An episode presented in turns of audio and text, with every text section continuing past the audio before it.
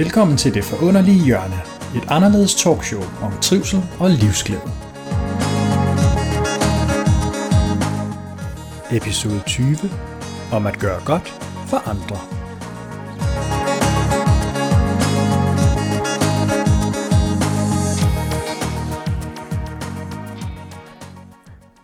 Et nyt teleselskab vil gøre verden til et bedre sted.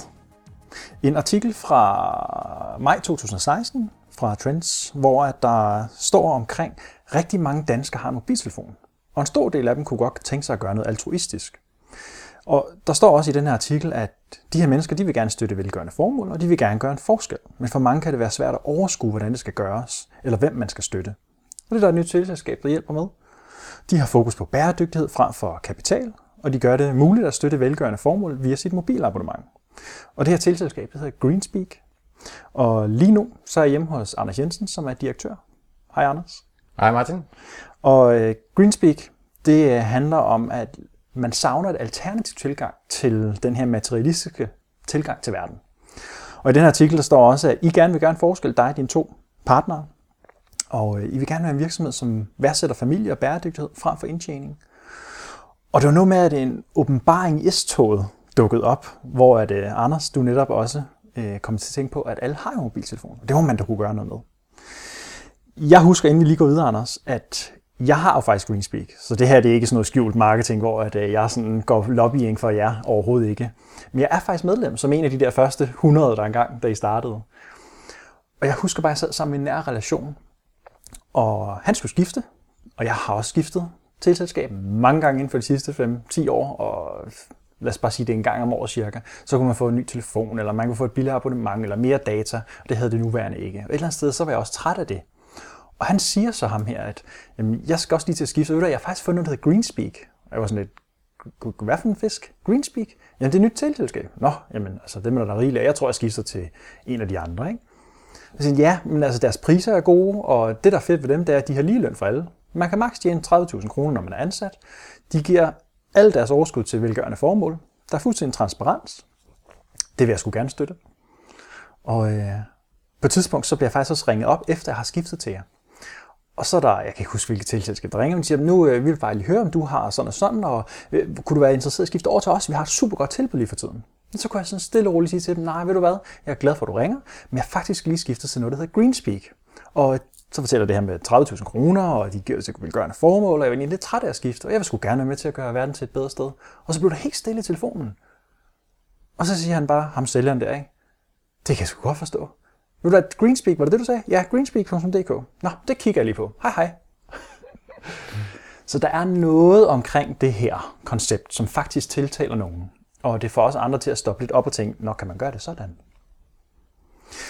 Anders, med det i mente, så vil jeg bare lige sige, inden du får lov at fortælle øh, noget om dig, at vi sidder på dit øh, kæmpe øh, virksomhedskontor ja. i din lejlighed. Ja, det er jo en af de ting, vi øh, for os er, at, at hele sådan en, en, en åbenbaring her skal kunne lade sig gøre for, for en helt almindelig person som mig, fordi jeg er jo hverken rig eller berømt, eller er født med en guldske i munden.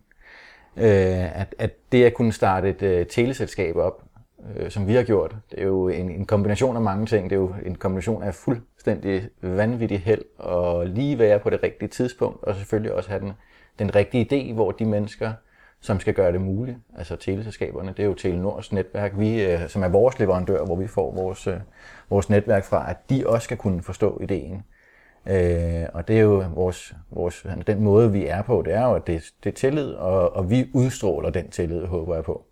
Øh, og, og da jeg kom til Telenor, så kom jeg jo til, uden noget som helst, og, og, og bare havde den her idé om, jeg gerne ville prøve at starte et telefonselskab op, hvor vi kunne gøre verden til et bedre sted. Øh, og og det, det kan jo kun lade sig gøre, hvis man enten har en hel masse penge, eller man virkelig har en god idé, som andre folk faktisk synes også er rigtig god, selvom de måske kommer fra en anden synsvinkel og siger, at det her det er mere business, men de kan godt se, at det her var faktisk noget helt nyt. Fordi telemarkedet er jo, som vi alle sammen ved, det er jo bare det der med, jamen, det hurtige tilbud, hvor man lige kan skifte, eller, og så er der den kæmpe store anden del af befolkningen, som selvfølgelig aldrig nogensinde skifter, men stadig bare betaler det dobbelte af det, de altid skulle, eller de burde gøre. Øh, så det er simpelthen bare sådan en kombination af, af held. Ikke? Så derfor er vi faktisk i min øh, toværelses lejlighed, øh, i Gentofte, som også er vores virksomheds hovedkontor. Øh, medarbejdere er jo ikke rigtig så mange af. Vi har jo vi, har, vi er jo tre partnere, som du også lige nævnte. Mads, Mark og mig, Anders, øh, som har været med fra starten af, øh, og har bygget det her op øh, på, uden, uden noget som helst øh, lån i banken. Simpelthen vores egne, egne penge har vi skudt i det. Øh, og det har kun kunne lade sig gøre på grund af den gode aftale, vi har fået med, med Telenor, simpelthen, som har været super hjælp, hjælpsomme fra starten af. Øh, grunden til, at vi kan gøre det, uden at være flere mennesker, det er jo på grund af, at Telenor står for hele det tekniske setup. Og det står også for kundeservice-delen. Så det er ikke fordi, at, øh, at man skal forvente, at der ikke er nogen til at tage telefonen, fordi vi alle sammen, der ikke er så mange mennesker. Der sidder et kæmpestort hold deroppe, som også tager telefoner for, for alle mulige andre selskaber. Så de siger også OK Mobil eller Telenor. Og når der står Greenspeak i displayet, så siger de også til, øh, til Greenspeak. Så det er egentlig derfor, det kan lade sig gøre med så få mennesker. Uh, og det var også det, der var vigtigst for os fra starten, at det skulle være noget, vi kunne stå inden for kvalitetsmæssigt og tekniskmæssigt og prismæssigt. Øh, og og det, det, var, det var vi heldige at kunne finde en god aftale med det. Ja, så da jeg blev modtaget hernede i, uh, i opgangsdøren og ringede på din dørklokke, så kom der en fin stemme, der sagde, ja, velkommen til Greenspeaks hovedkontor et øjeblik, så lukker vi dig ind. Ja, ja, det var mest en joke, for jeg vidste, det var dig, der kom, ikke? Så, det er jo ikke det, normalt siger, når vi Nej. Øh, åbner døren herinde, fordi det, det er jo ikke en besøgsadresse. Nej. Øh, så, så jeg håber heller ikke, at I alle sammen kommer og banker på døren her. Øh, I kan bare skrive til mig på Facebook eller inde på, inde på hjemmesiden, så skal jeg nok svare tilbage til ja. Det er mig, der sidder og svarer alle henvendelser på, på, på Facebook. Så Anders, I er et teleselskab. Dig og dine tre partnere i hvert fald står som ansvarlig for det. Ja. Så, så man kan sige, grund til, at jeg gerne vil have dig med, og også fordi jeg jo netop synes selv, at hvis vi kan gøre lidt, bare noget, mm. med små ting i hverdagen, der kan hjælpe til, at verden måske skubber sig selv, eller vi skubber til den en lille bitte smule i en lidt bedre, mere bæredygtig retning, eller mere kærlig, mere venlig. Fordi der er jo mange ting, man kan sige, det, det fungerer ikke så godt. Mm. Og det tager nok også lang tid, før det bliver forandret. Men om ikke andet, så har vi jo alle sammen muligheden for at gøre en lille bitte smule. Og det er det, jeg tænkte, at det giver mening at fortælle den her historie. Mm. Fordi I har jo også, tænker jeg, en, en, en følelse af mening i det her. Og noget, der gør, at I driver jer selv fremad. Så, så, så det at bringe livsglæde og det her med trivsel og stå ved sig selv og gøre noget, der, hvor man mærker, det, jeg skulle tro på mig selv, når jeg går den her retning. Det var ikke altid lige nemt. Og det er også det, at i andres øjne kunne det her også være et ret crazy valg at tage, fordi øh, du bor i en toværelses lejlighed, hvad med arbejde, og altså, har du råd til det, og det der hoved under armen, og ja, ja, altså, kom on, det er jo bare et selskab, ikke? Mm. Så, så jeg tænker, det kunne måske inspirere nogen til også at se, okay, jamen, kunne jeg gøre noget? Tænke lidt anderledes baner.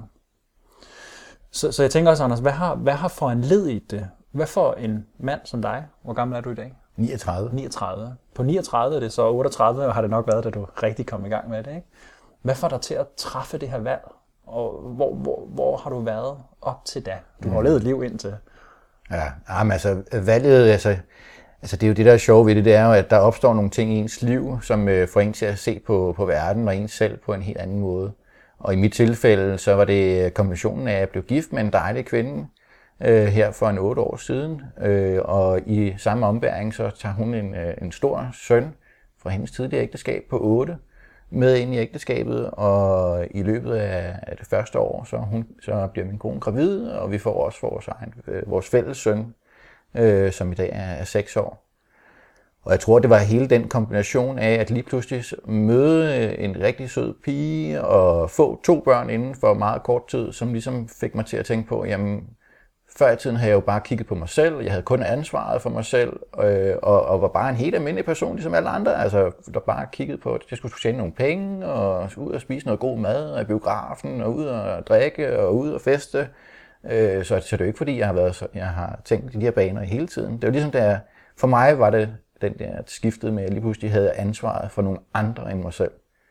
Øh, og så var det, at jeg kiggede ud, ud i verden og så på, jamen, hvordan er verden sat sammen, og hvordan øh, bidrager jeg selv til verden? Og jeg vidste jo, at vi var midt i krisen på det tidspunkt. Jeg kunne se, at bankerne, der begyndte at krakke, og politikerne, der løb rundt med at smide penge rundt omkring sig til højre og venstre til bankerne. Øh, og, og, ja, for det har jeg da ikke også ikke fået noget af. Nej, det er det, det, det var ikke lige os andre. Øh, og så kombinationen af, at min kone kommer fra, hun kommer fra, fra Thailand. Øh, jeg har mødt, mødt hende her i Danmark. Men også det med, at jeg, vi stod i en situation, som faktisk også øh, gjorde, at fordi at man skal jo være selvforsørgende, og jeg skulle forsørge min kone, så på min almindelige, øh, almindelige arbejdsløn, helt almindelig funktionærløn, så skulle jeg jo supportere eller, øh, både min kone og de to børn, øh, og hun kunne ikke få, noget, ikke få noget hjælp, fordi hun var jo ikke øh, europæisk statsborger. Øh, så jeg så, sad i den her situation, hvor vi sagtens skulle overleve, og vi havde, vi har, vi har ikke haft noget, virkelig nogen nød på nogen måder, men vi måtte selvfølgelig tælle hver eneste, penge, hver eneste krone, øh, og virkelig passe på på godt på pengene. Samtidig med, at jeg så, at nogle banker, som havde forvaltet deres ansvar fuldstændig sindssygt, fik smidt milliarder og millioner kroner i hovedet af vores øh, regering, som så ved jeg, nu fik mig til at tænke, jamen der er en eller anden helt skævvridning i den her verden. Øh, hvordan kan det passe? Og, og, og det ledte mig ud på en stor rejse, øh, hvor jeg prøvede at, at, at kigge ind på det politiske øh, system og på banksystemet, pengesystemet. Øh, jeg kiggede på alle de ting, som vi burde gøre, altså vedvarende energi, lad være med at sprøjte og forurene vores grundvand. Øh, øh, Øh, genanvendelse, alle de her fantastiske initiativer, som, vi egentlig, som er de rigtige at gøre, men som jeg fandt ud af, at man ikke gør på grund af, at det ikke kan betale sig. Og når jeg siger, at det ikke kan betale sig, så er det jo ikke, fordi det ikke kan betale sig sådan i ren. Der er mig og fremtiden og vores fælles bedste, men det er jo mere den her og nu økonomiske fordel, der ligesom øh, ikke kunne betale sig. Så det er jo, hvis man øh, for eksempel siger, jamen, hvorfor lader vi ikke være med at sprøjte? Jamen, det er jo fordi, der er nogle, nogle bønder, som har belånt sig op til skorstenen, og de skal jo bruge nogle penge for at kunne omlægge til økologi. Og de skal også være sikre på, at nogen, der har råd til at købe det, og, og det kan de ikke få lov til af bankerne, fordi de er allerede belånt op til loftet, og så bliver de fastholdt i den her, jamen vi skal tjene nogle penge her nu, og derfor det, kan vi kun blive ved med at sprøjte, fordi vi har ikke råd til at omlægge. Øh, og og hvis vi omlægger, så skal vi blive bare endnu mere forgældet, og så vil det højst sandsynligt gå, det gå konkurs, fordi nu har vi jo brugt endnu flere penge på at lægge om til økologi, og så bliver det økologiske varer bare så meget dyre. Og sådan noget. Det, det var, der var sådan en helt, helt vidensrejse, jeg kom ud i, og, og, og, og det, det, det, det, jamen, altså, jeg var, jeg, det er jo ikke fordi, jeg bare lige sprang ind og sagde, nu skal jeg starte et telefonselskab. Jeg var jo i gang med en, en lang øh, rejse, hvor jeg først startede, jamen, politikerne. Politikerne, de kan, de kan ordne det hele. Så jeg prøvede at starte et, et lille parti op, hvor vi ville give magten tilbage til, til folket, og simpelthen øh, give demokrati, altså øh, mere direkte demokrati tilbage. Øh, men det er jo selvfølgelig også nogle store kameler at sluge for, for mange mennesker, som er vant til at tro, at de lever i, i et rent demokrati, hvor de faktisk har medbestemmelse. Øh, så det var, ikke, det var ikke lige en helt stor opbakning på.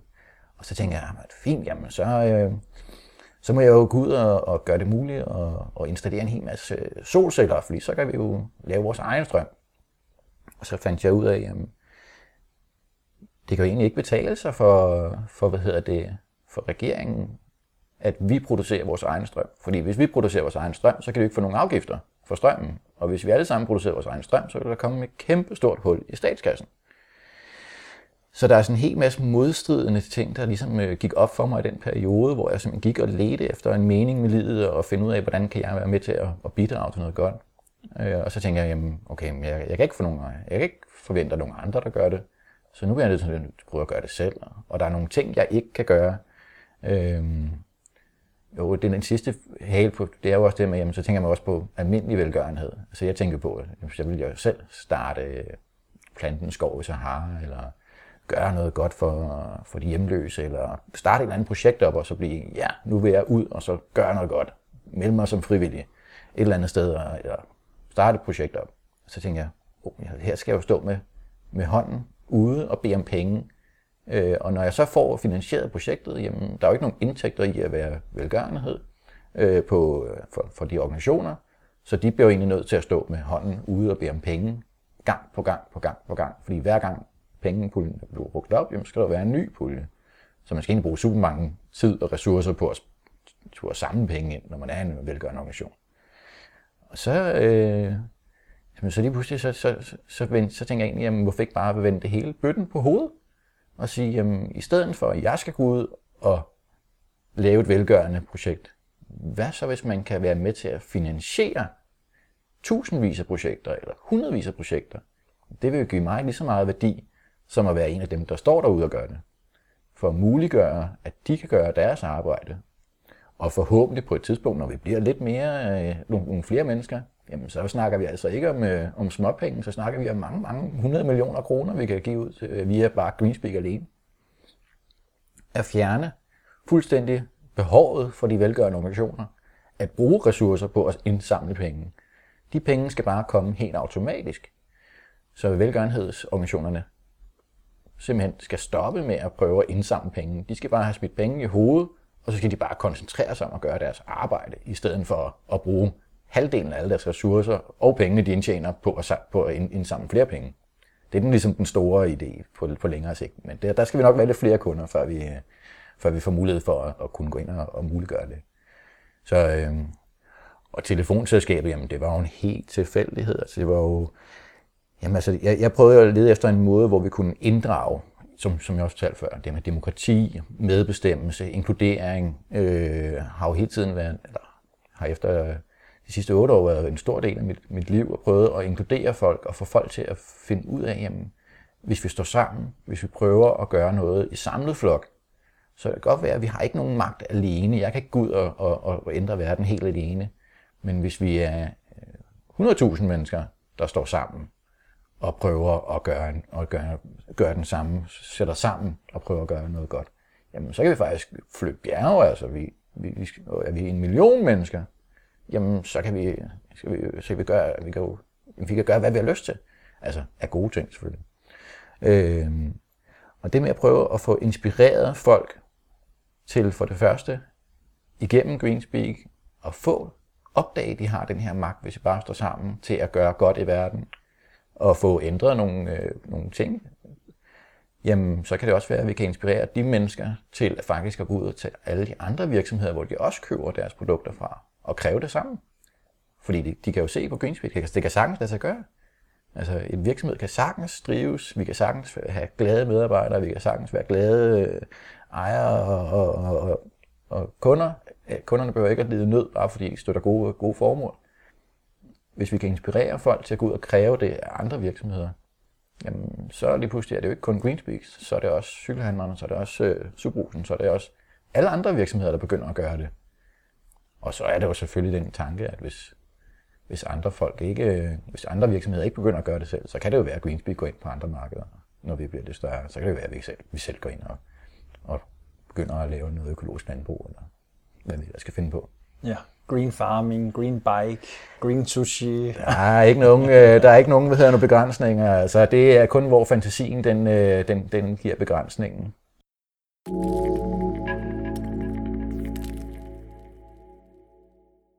Er det så, at er det noget med, at du finder ud af, at der er noget, noget sådan dyrebart over livet? Det her med, når du får de her børn, og kone, og du ser, okay, men der er nogle andre end mig, og det handler ikke kun om at tjene penge. Er det den der, den der skrøbelighed over livet, som dukker op, som får dig til at tænke over de her ting? Ja, altså, det, det, for, når, jeg, når jeg tænker tilbage, så er det jo meget det der med ansvaret for andre. Øh, altså det med, at jeg mistede, jeg gik fra at, at, at være kun ansvarlig over for mig selv, fordi jeg var single og ikke havde nogen børn, og så havde jeg jo kun ansvaret over for mig selv i mine egne tanker.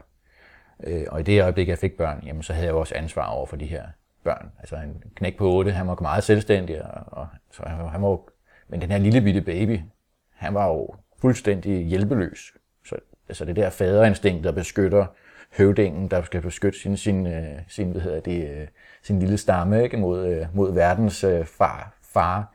Jeg tror, det er meget den, for mig personligt i hvert fald, og det behøver ikke at være det samme for alle andre, men for mig var det den der beskytter, trangen til at sige, okay, men hvordan kan jeg beskytte mine børn, så de kan... Give dem også en bedre en fremtid, de kan tåle at leve i den her verden. Ja, det, det er jo det, en del af det samme. Det er jo det der med, at, at når vi...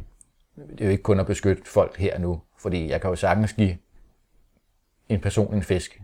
Men hvis jeg giver dem en fiskstang, så kan de altså selv fange deres egen fisk. Ikke? Så det er jo en, en, det er jo ikke noget her nu. Det er jo noget, hvor vi prøver at, at skabe noget større.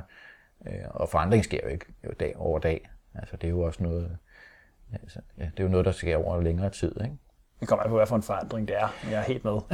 Fordi i dine tanker kan du godt på et splitsekund, ja. så kan du ændre din tænkning.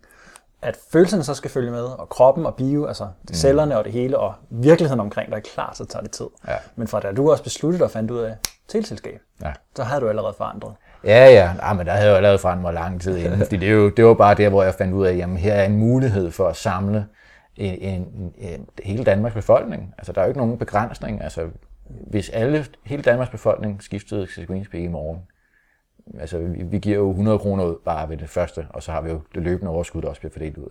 Jeg kan godt sige 5 millioner mennesker ikke gange 100 kroner.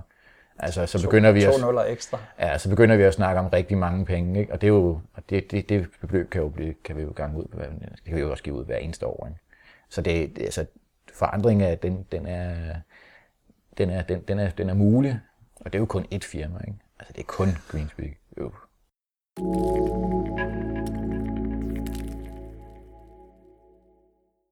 Anders, inden vi går videre ind i forhold til at tale lidt mere om Greenspeak også, hvad øh, er det, der bærer dig gennem sådan de første mange leveår ind til det her punkt? Fordi så jeg ved, så fortæller det her med, at du får kone og et barn, hun tager med, og du får dit eget, eget barn også.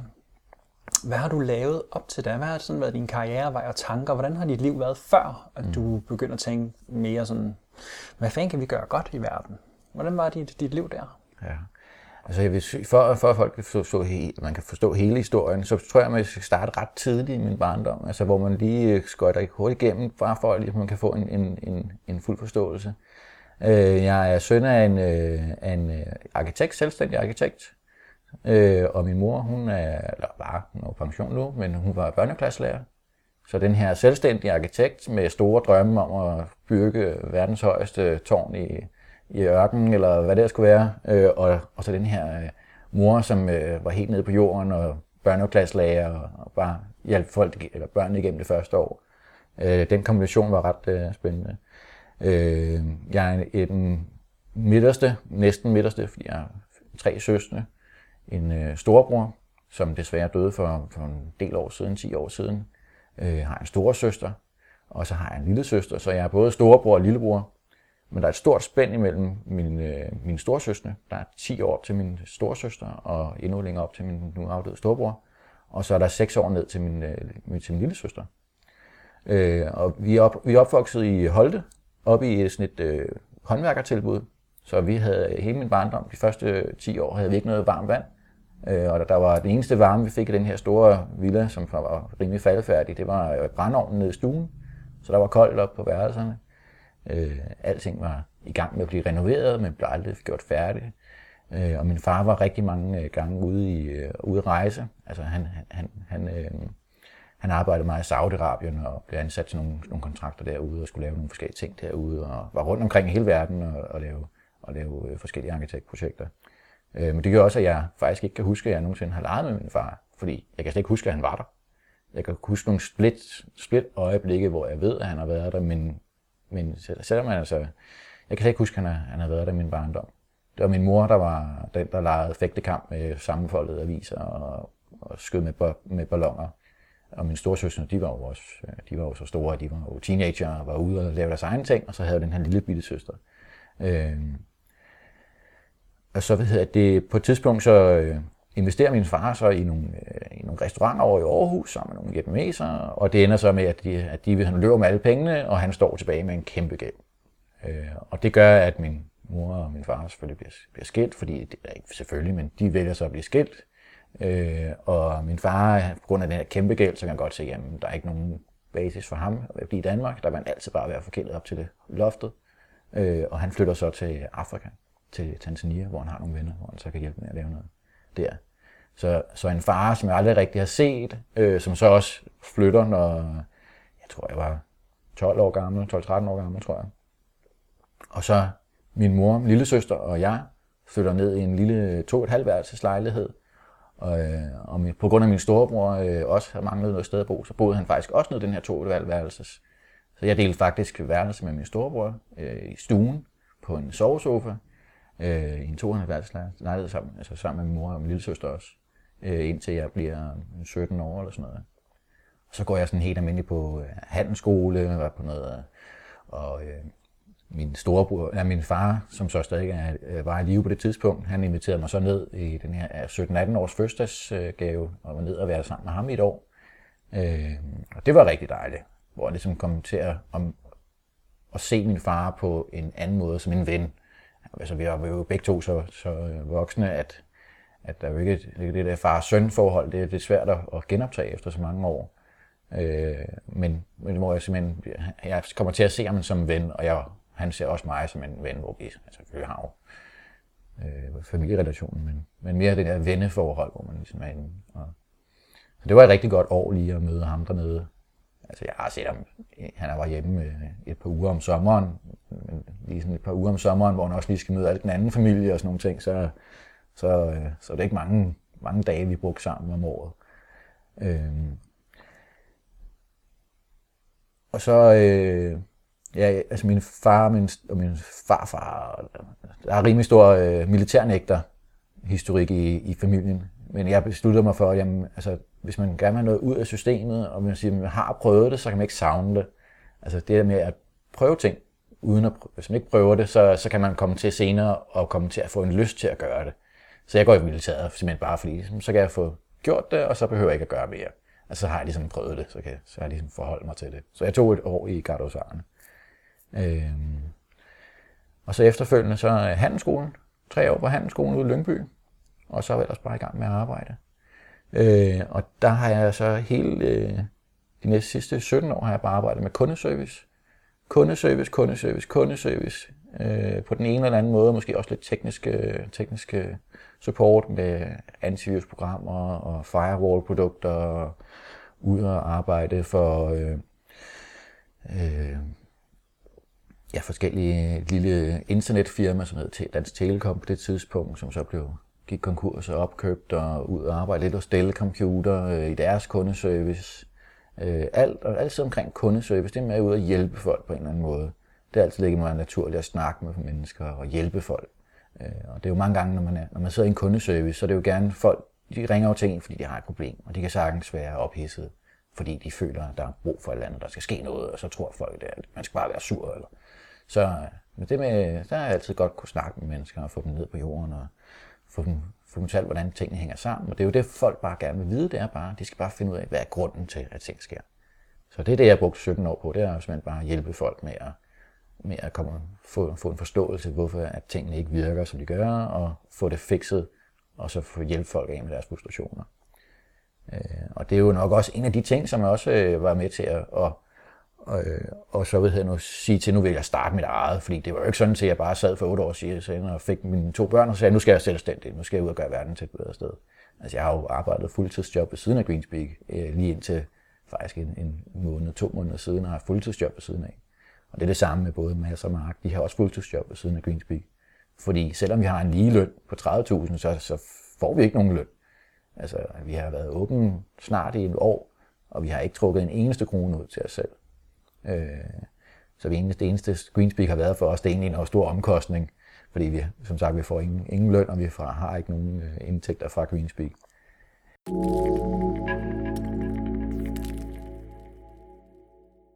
Får du øh, det her iværksættertrang, og det her med at sætte noget i gang for din far, tænker du? Det du har set, han altid har været ude og været sådan en, der har været aktiv. Altså måske der ligger et afsavn, så samtidig alligevel kan jo vores unge sind jo godt koble, men det ser jeg op til det der. Mm. Han er jo min far. Mm. Så det for dig et eller andet sted måske har betydet, Nå, men det, er jo, det er jo godt at gøre sådan noget. Mm. Kan du genkende det? Ja, på en eller anden måde i hvert fald. Ikke? Altså jeg vil sige, at jeg er jo ikke nogen heldig på nogen måde overhovedet, og jeg vil sige meget... Nej, jeg har det... siddet og set sådan en glorie over dit hoved. ja, men det er måske en, der kommer med tiden, så, men altså, det er jo det der med, at altså, i hvert fald for mig personligt, og for rigtig mange andre mennesker, som starter virksomheder op, så er det jo på en eller anden måde en eller anden form for erkendelse, eller anerkendelse, som man søger. Øh, for de fleste mennesker, så er den anerkendelse, de søger, det er jo ved, at de har en stor dyr bil, eller de har et stort, stort, stort dyrt hus, eller øh, at de har et stort styrt sommerhus, eller hvad det ellers kan være, øh, hvor at at min, den, den måde, jeg prøver måske at, at jage anerkendelse på, det er jo det der med, at, at jeg vil gerne anerkendes for at gøre noget godt. Gøre noget godt for andre. Jeg vil, jeg vil, jeg vil søge gerne anerkendelse øh, Det, vil jeg, altså, det er jo noget, der også er kommet... Jeg har jo stort indblik i mig selv, fordi jeg prøver at, at, at få et stort indblik i mig selv. Og derfor prøver jeg også at undersøge, hvorfor jeg gør ting, som jeg gør. Og jeg vil sige, at så jeg er meget anerkendelsessøgende, men jeg vil meget gerne anerkendes på noget godt. Og noget, hvor jeg har gjort en forskel for andre mennesker. Øh, og det er jo ligesom, det, det, det, det, selvom det er anerkendelse, det kan jo man søger, søger også noget som andre, så kan det jo være noget negativt. Men det jeg håber på, det er jo, at ved at mine, de ting jeg gør, at mine børn også kan se, at det er jo fedt at kunne få anerkendelse for at gøre noget godt for andre. Og hvis jeg kan springe de første 20 år af deres liv over, hvor, hvor de havde ligesom mig, hvor man bare var en del af, af, af flokken, der ikke rigtig tænkte på at gøre noget godt for verden, fordi man ikke tænkte på andre end folk med sig selv, så at de kan springe det hele derover, og så ved, at de ting, jeg gør, så kan jeg inspirere dem til faktisk lige så snart de får muligheden for at, at komme ud og være en mere aktiv del af verden. Nu går det jo begge to stadig i skole, ikke? folkeskolen, så det, det er svært at, at gøre det helt store forskel lige nu. Men når de så kommer ud og skal være en del af arbejdslivet, eller en del af samfundet, hvad man kalder det, jamen at de så kan have en, en, øh, en, hvad hedder nu, en fokus på, at de gerne vil gøre noget, der er godt fra starten af. Fordi det er jo det, vi, altså, det er jo det, jeg gerne vil inspirere folk der til at sige, hvad med at bruge hele dit liv på at vågne op som, som 35 år, eller, eller øh, 32 år, ligesom mig. Altså, jeg har jo spildt 20 år af mit liv på at, på at ikke at gøre noget godt. Tænk, hvis jeg var startet for, to, for, for, for, for 22 år siden på at gøre noget godt. Jamen, tænk mig, hvor vi kunne have udrettet så. Så, så jeg håber på, at jeg kan inspirere folk til at, både unge som gamle, fordi det er jo ikke, det er jo ikke kun ungdommen, vi skal tænke, der kan gøre forskellen. Det er jo også alle andre, der, der kan gøre det. Vi skal bare bestemme os for det, og så gøre det nu, fordi så springer vi ikke springer vi 20 år over. Fordi hvis vi venter til i morgen, så venter vi også til i morgen i morgen, og i overmorgen og i morgen, og så bliver det aldrig til noget. Og så bliver det bare ikke bedre. Så vi kan lige skal bare tage beslutninger og sige, jamen det skal være i dag. Nu gør jeg det. Fedt. Nu er jeg en del af den positive forandring, i stedet for at jeg bare er. Så det, det er meget det, jeg prøver at inspirere folk til. Det. Det interessante er jo også, at man kan netop godt i bagklogskabens lys se tilbage og tænke, hvorfor gjorde jeg ikke bare, og hvis nu jeg bare havde vidst. Mm. Og det er bare sådan en lille krølle, fordi at selvom man har det sådan, så kunne du ikke have gjort det anderledes. Nej. For hvis du kunne have gjort det anderledes, så havde du også gjort det. Præcis. Så der har du ikke været, og man kan sige, det, de, de erfaringer, du så har med dig, det er også når man vælger at kigke på dem og sige, okay, men de har jo så faktisk også bragt mig til mm. der, hvor jeg er i dag. For hvis ikke du havde haft de der 17 år i kundeservice, eller hvad det har været, ikke? Øhm, så havde du måske heller ikke kunne gøre det på samme måde. Så du har også opsamlet erfaring nok mm. til at se, hvordan man kan gøre tingene. Ja. Og det er jo også vigtigt at huske, at den dårlige samvittighed kommer kun fordi du lige nu i dag med den bevidsthed, du har, kan se tilbage med nogle andre øjne. Mm. Og dem havde du jo ikke dengang. Det er bestemt heller ikke dårlig samvittighed, fordi jeg, har ikke, jeg, jeg ser meget fremad, og det er også derfor, jeg bruger ikke så meget tid på fjernsynet er slukket, fordi nyhederne det er alligevel var i går. Øh, så derfor så vil jeg sige, jeg, jeg bruger meget tid på at kigge fremad. Så det er bestemt ikke, nogen, øh, ikke nogen, øh, noget, jeg fortryder. Det jeg prøver bare, det er at prøve at... Fordi mange af de ting, jeg laver, de er jo også blevet inspireret af andre folk, som allerede er i gang med at gøre noget.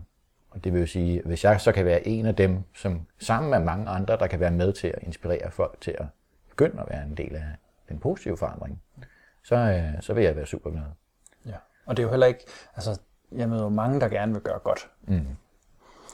Øh, og man kan sige, det er jo begæret og stræben efter, om det så er for at få en anerkendelse. Måske fordi ens far gjorde noget i verden, han gjorde ikke godt for mig, og det så bliver omvendt, så nu vil jeg gøre godt for andre, fordi det har jeg ikke selv fået, og det er jo bare et eksempel, ikke Anders? Jo, jo.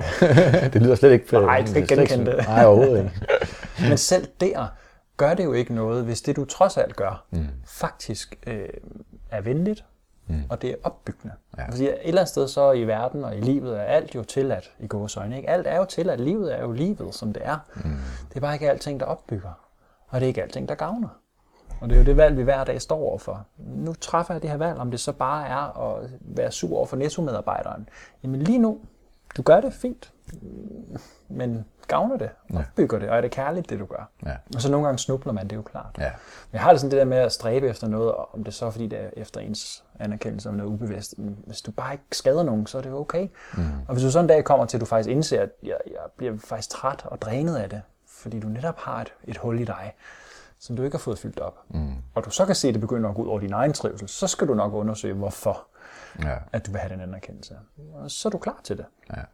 Og det er jo egentlig også en af grundene til, at vi faktisk er, har inde på vores øh, hjemmeside, så har vi faktisk skrevet vores personlige historier. Øh, og der har jeg lavet det med den her øh, energien til at være en god far.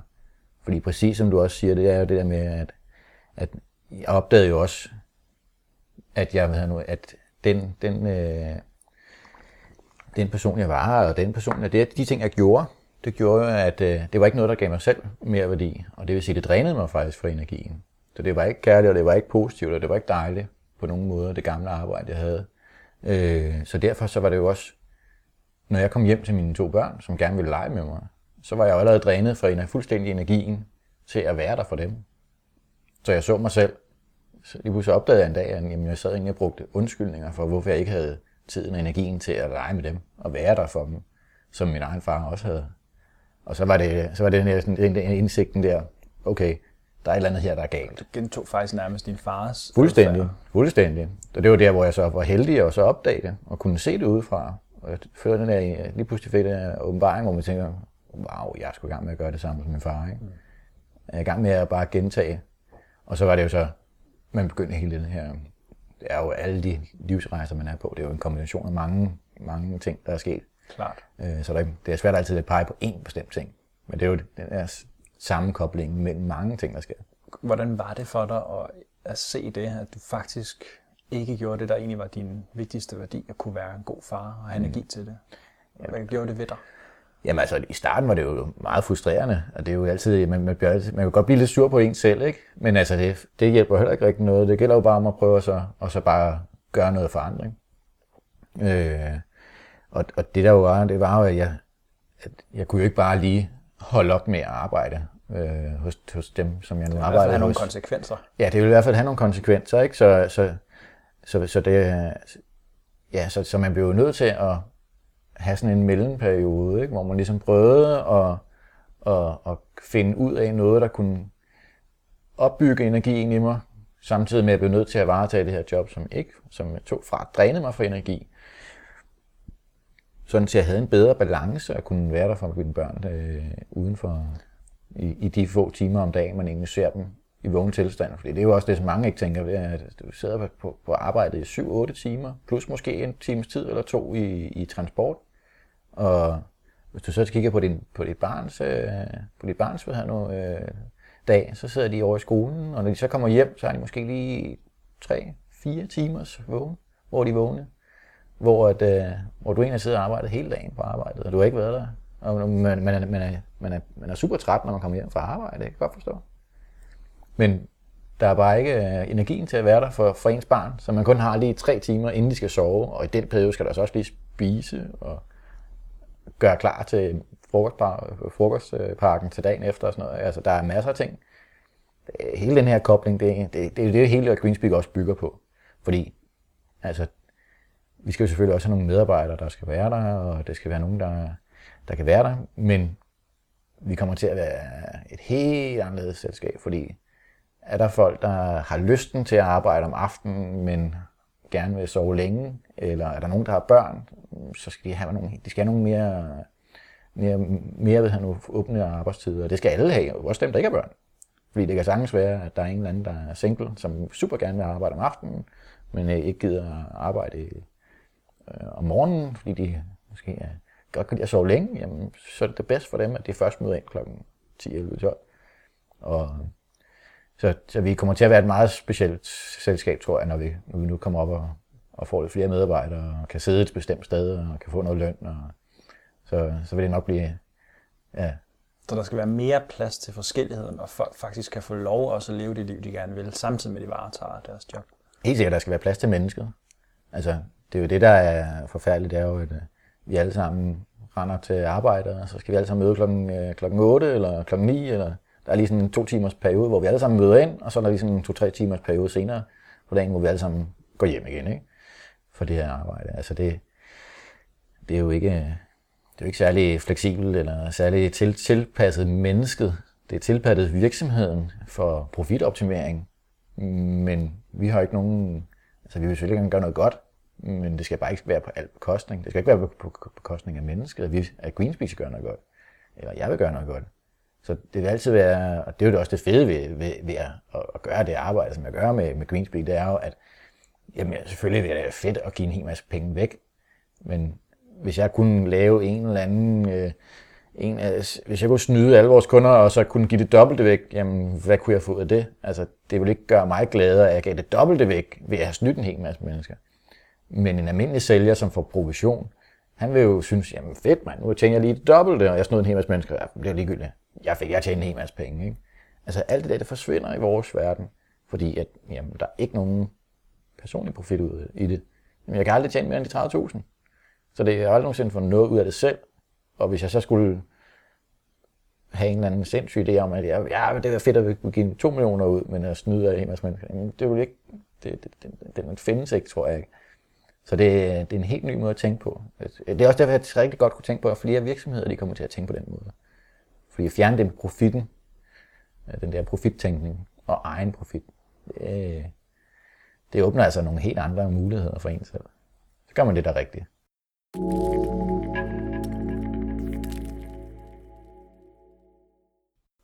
Man kan sige, det her med at tænke værdibaseret altså virksomhedsledelse, og også i forhold til så når retænke, redefinere, hvordan man egentlig bygger en virksomhed, hvad er egentlig der er det højeste formål, mm. det er jo allerede i gang og har eksisteret i nogle år mm. efterhånden. Der er også skrevet flere bøger om det. Der var også et eksempel fra en virksomhed i USA, som øh, netop inddrog deres øh, medlemmer i at lave t-shirts. Mm. Og der kunne man så komme ind med sit kreative input til den her t-shirt, og så blev der lavet afstemning online. Og så er det faktisk øh, kunderne, mm. som selv bestemte, også selvom man ikke var kunde, som rated de her øh, billeder, der blev lavet op. Og den, som havde den højeste score, den vandt så den her måned, eller hvad de nu havde. Ikke? Og mm. den blev så produceret og solgt. Øh, og det er jo en kæmpe virksomhed i dag, og mm. folk er, de er jo mega glade. Og samtidig så er der også, jeg ved ikke om det er den samme virksomhed, jeg tror det er en anden, der laver sko i USA også, øh, hvor at, øh, de har, jeg tror det, hvis jeg husker rigtigt, 50 dollar, men jeg tror det var 500 kroner eller sådan noget, vores penge, ikke? Øh, som de må bruge, fuldstændig som de selv har lyst, den enkelte kundeservice-medarbejder, på en kunde, hvis der var en udfordring. Mm. Og der var blandt andet en, som, øh, hvor de ikke kunne få varen til tiden, og der var sket en leverancen. Og den eneste løsning, hvis de skulle sådan få den nu og her, hvis ikke det skulle være mange dage. Det var simpelthen at sende den med en taxa. Så hun brugte, hende her medarbejderen, hun bestilte en taxa, og sagde, der kommer en vare til dig, du skal to timer, så er den hos dig, eller en time. Ikke? Så hun bestilte en taxa, og gik ud og leverede den til taxichaufføren, så den skal sætte en adresse, værsgo, her er pengene. Og så kører taxichaufføren ud med den her pakke. Ikke? Mm. Så, så der er noget omkring det med at gøre noget, hvor man gerne vil sine medmennesker det godt. Ja som der er nogen synes er noget fis, og hokus pokus, og ja, kommer over, ikke? Altså, gider lige det der hippie her løg. Og det er fint. Og så dem, der vil arbejde for til 16, de kan jo gøre det. Mm. Og jeg tror, det jeg også oplever i din historie, det du fortæller, som jeg ser også andre steder, det er, at det er jo vigtigt at gøre det, der giver mening. Ja. Og at vi alle sammen et eller andet sted gerne vil føle os mødt og respekteret, som vi nogle gange er. Selv det menneske, som bare er sælger i gåsøjne, ikke? og som har det fint med at arbejde fra 8 til lad os sige 17, ikke? eller hvad han nu gør, og hun gør som er fint inden for de her konforme rammer. Selv de vil jo gerne også opleve, at de bliver respekteret på deres arbejdsplads. Øh, og det jeg synes, jeg oplever, når jeg er ude og snakke med virksomheder og medarbejdere i forhold til trivsel, det er, at de kommer til mig og siger, at der er sket noget i forhold til kommunikationen. Der er sket noget i forhold til det ønske, jeg egentlig havde, eller det behov, hvor jeg rent faktisk synes, at ah, det vil jeg egentlig gerne lige have, at der blev lyttet til. Mm. Om det så kan lade sig gøre eller ej, men det er når man ikke bliver lyttet til. Netop et eksempel kunne også være en medarbejder, der kom til mig, som sagde, at hun havde en stresset periode, der var noget med noget sygdom, og hun havde en søn, som skulle opereres. Og det påvirker hende selvfølgelig, fordi det er jo nært, og ikke? det er hendes søn, der skal ind i den her operation, og der, hun har lige fået besked om, mm, der er måske noget her, vi skal kigge på igen. Mm. Så hun vidste jo, hvor meget det påvirker. Hun tog faktisk ansvar for det, og sagde, bror, jeg ved, det her det er udfordrende, og gik til sin chef og sagde, jeg har, jeg har så nok brug for, at hvis nu det her det sker, og han akut skal indlægges, at jeg så kan få fri. Kan vi lave en løsning med en vikar, eller og så må vi lade være med at få løn. Hun gjorde virkelig, hvad hun kunne, for det kunne lykkes. Ikke? Og det er ikke, fordi jeg ikke vil arbejde, men jeg selvfølgelig vil jeg være der for min søn. Jeg er den eneste, der kan komme. Mm. Øh, og han sad og sagde, at jeg hører, hvad du siger, og jeg lytter til dig, og, men hun fik ikke lov. og når jeg hører historien, altså ved hvad sådan virksomhedssetupet er, så kunne det sagtens praktisk lade sig gøre. Ja, det kan altid lade sig gøre. Og hvad der end har foranledet, at han har gjort det, det kan jeg ikke sige. Og selvfølgelig har hun også et ansvar for selv at kunne være med uvidshed. som jeg også prikkede lidt til at sagde, men du har også en udfordring med uvidshed, og stå i det, du ikke kan få en afklaring på. Og så blev hun sådan lidt, ah, ja, det er også rigtigt nok. Det var en af hendes største issues. Ikke? Mm. Så må jeg også bare sige, ja, du har en udfordring der, klart. Men derfor skal det også anerkendes, at det er svært for dig. Det kan du ikke bare ændre lige nu her. Nu har jeg gjort dig opmærksom på det. Så det begyndte hun at gå og tænke lidt over og sådan noget i, i dagligdagen, men det gjorde bare ikke, at hun stadig følte, at det var okay. Hun gik faktisk tilbage til sin chef og sagde, jeg har faktisk tænkt over det her, jeg skulle godt klar over faktisk, at det er lidt svært for mig, og det anerkender jeg faktisk, at jeg måske er lidt hurtigt på aftrækker nogle gange, men stadigvæk så godt til, at man fandt en løsning, og det fik hun ikke lov til. Så sådan en som hende, hun er jo sådan en, der vælger at sige, det her sted, det har jeg ikke lyst til at arbejde. Mm. Øhm, og jeg er helt med på, og det var hun jo også, at nogle gange har virksomheden selvfølgelig nogle behov, men vi må hver især træffe de valg, vi synes giver mening og er rigtigt for os. Og jeg ved så, at hendes valg også er at sige, at hun skal noget andet. Ikke? Og vi kan jo alle sammen blive mødt i de her livsomstændigheder, hvor livet bare rammer. Ja, helt sikkert. Men det er jo også derfor, det, det, det, jeg synes også, det, det eksempel, du kommer med, det er jo også, det er jo en, en altså jeg, jeg forstår godt, hvordan de nuværende rammer er, men det er faktisk dem, jeg prøver at lave om. Fordi at, altså, det her med at have 99 procent af alle virksomheder, de er kun baseret på, at de skal lave profit til dem selv, eller til nogle ejere, som de måske ikke engang kender, fordi de er ejet af forskellige aktieselskaber, og så er det alle vores egne pensionsselskaber. Så der er nogle usynlige ejere, som kræver noget profit og noget indtægter fra dem. Og det gør, at hele det her virksomhedssetup det bliver super, super ugennemsigtigt, og det bliver øh, alt for umenneskeligt og upersonligt i, i, i de fleste virksomheder, så er det jo, så det, det lederen, han er der jo ikke, han er jo ikke medejer, eller han er ikke, han er jo, han er jo ansat til at tjene en hel masse penge til virksomheden på en bekostning, og det gør også, at han er nødt til at gå på kompromis. For han ved, at altså, hvis jeg ikke pisker mine medarbejdere, eller sørger for, at de er der, jamen, så vil det gå ud over overskuddet, og så bliver jeg selv fyret. Altså, det er hele setup'et, der, der er noget galt med mine øjne. Og det er også det, vi bare gerne vil være vil, vil gerne være det gode initiativ, og, det, og, og så inspirere folk. Fordi jeg tror, det er svært for eksisterende virksomheder, der allerede er sat op på den her måde, at ændre. Men altså, der er ikke noget, der siger, at øh, hvis jeg, hvis jeg kan starte et mobilselskab, så er der vel også nogen, der kan, der kan starte et andet slags selskab. Og ellers så kan det jo være, at vi, når vi bliver rigtig store, så kan vi hjælpe med at starte nogle flere virksomheder. Fordi jeg tror, det er svært at få, få ændret de nuværende virksomhedskulturer. Altså dem, der er allerede etableret med den, den form for ejer og ejer, ejermåde og, og, og formål i livet, simpelthen bare tjene penge. Så jeg tror, at der er brug for en helt ny generation af, af nye virksomheder. Fordi altså, jeg kan ikke se, at CallMe eller Telenor eller nogle af de andre telefon, telefonselskaber kan jo aldrig nogensinde bare ændre sig til at være Greenspeak. Nej, altså, det skal de heller ikke. Nej. Altså, de har jo deres eget DNA. Præcis, men det er jo, udfordringen det er jo bare, at det er lidt synd, at de ikke er med til at gøre verden til et bedre sted. Altså, det er jo, det er jo ikke, det er jo ikke ligefrem, det er ikke ligefrem, at nogle, dem, der går ud og planter en skov i Sahara, eller, eller giver, giver noget som helst til gode formål. Og det er jo det, jeg, jeg, jeg er det der med, at hvis vi gerne vil have en verden, der er bedre, så bliver vi også nødt til at gøre til en verden, der er bedre. Så jeg, det med, altså jeg, jeg er sådan lidt blevet lidt kompromilløs på mine gamle dage. Øh, det er jo også nogle af de ting, man kan se. Det, når man har helikopterblik og kan kigge, kigge på sig selv udefra, så er det ligesom, at jamen altså, nu skal det, blive, nu skal det bare gå, være noget, der gør godt. Og hvis det ikke gør godt, jamen, så er det ikke noget, jeg gider at gøre med, være med til, eller noget, jeg gider at støtte. Så, så, så det med, øh, at der er plads til alle virksomheder, det, det er der ikke i min verden. Øh, der er plads til dem, der prøver at gøre verden til et bedre sted.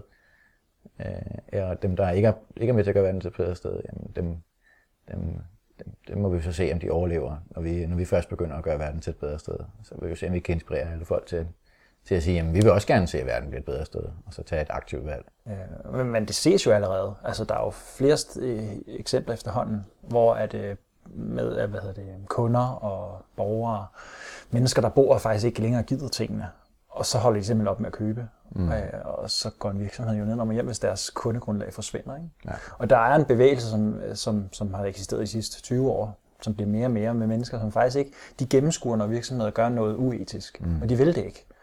Øh, og det er der flere og flere, der efterhånden får øjnene op for med, eller hørte en fremtidsforsker på et tidspunkt, eller læste, som fortalte om de her ting, med at, at i fremtiden så vil det blive mere og mere sådan, så at virksomheder, som faktisk ikke øh, handler etisk, og ikke gør det, som kunderne faktisk har brug for, øh, de overlever simpelthen ikke.